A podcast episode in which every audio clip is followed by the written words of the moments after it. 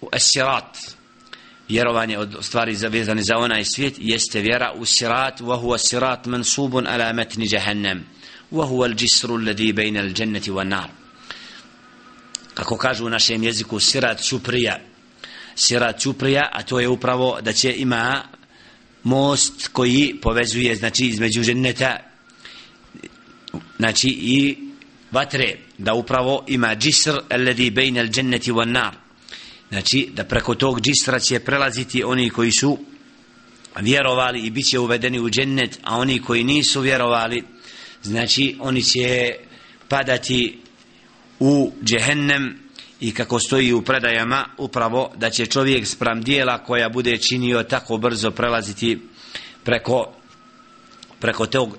sirat čuprije kako kažemo Elif Rahmetul Alehi يمر عليه الناس على قدر أعمالهم فمنهم من يمر كلمه البصر ومنهم من يمر كالبرق ومنهم من يمر كالريه ومنهم من يمر كالفرس الجواد ومنهم من يمر يمر كركاب الإبل ومنهم من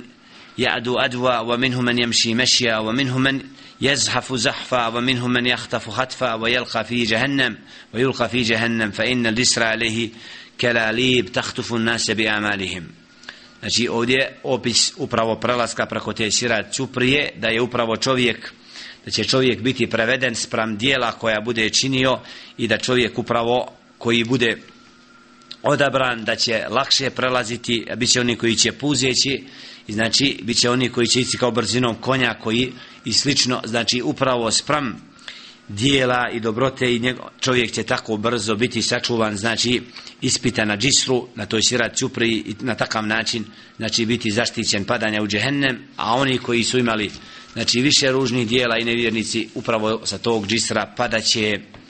sa, znači tog mosta padaće u džehennem, adan Allahu wa iyakum minha, da nas Allah subhanahu wa ta'ala sačuva upravo džehennema i vatre i onoga što je pripremljeno onima koji su to zaslužili. Faman marra ala sirati dakhala al janna. Ko pređe preko tog sirata, znači on će ući u džennet. Fa idha abaru alayhi wuqifu ala qantara bayna al jannati wan nar.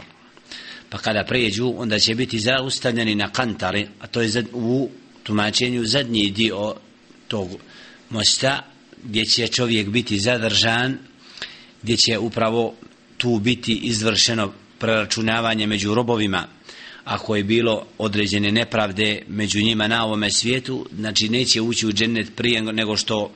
njihova srca budu potpuno očišćena od bilo čega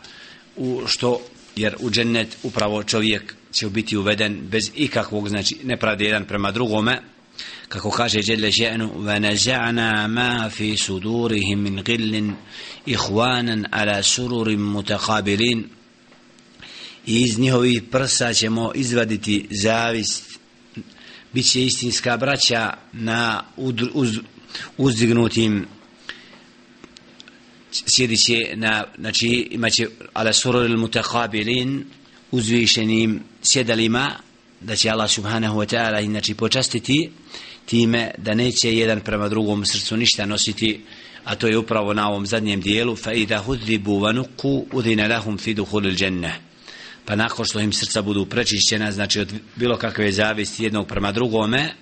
biće uvedeni u džennet هذا هكذا رواه البخاري من حديث أبي سعيد الخدري رضي الله تعالى عنه تقوي برنسنو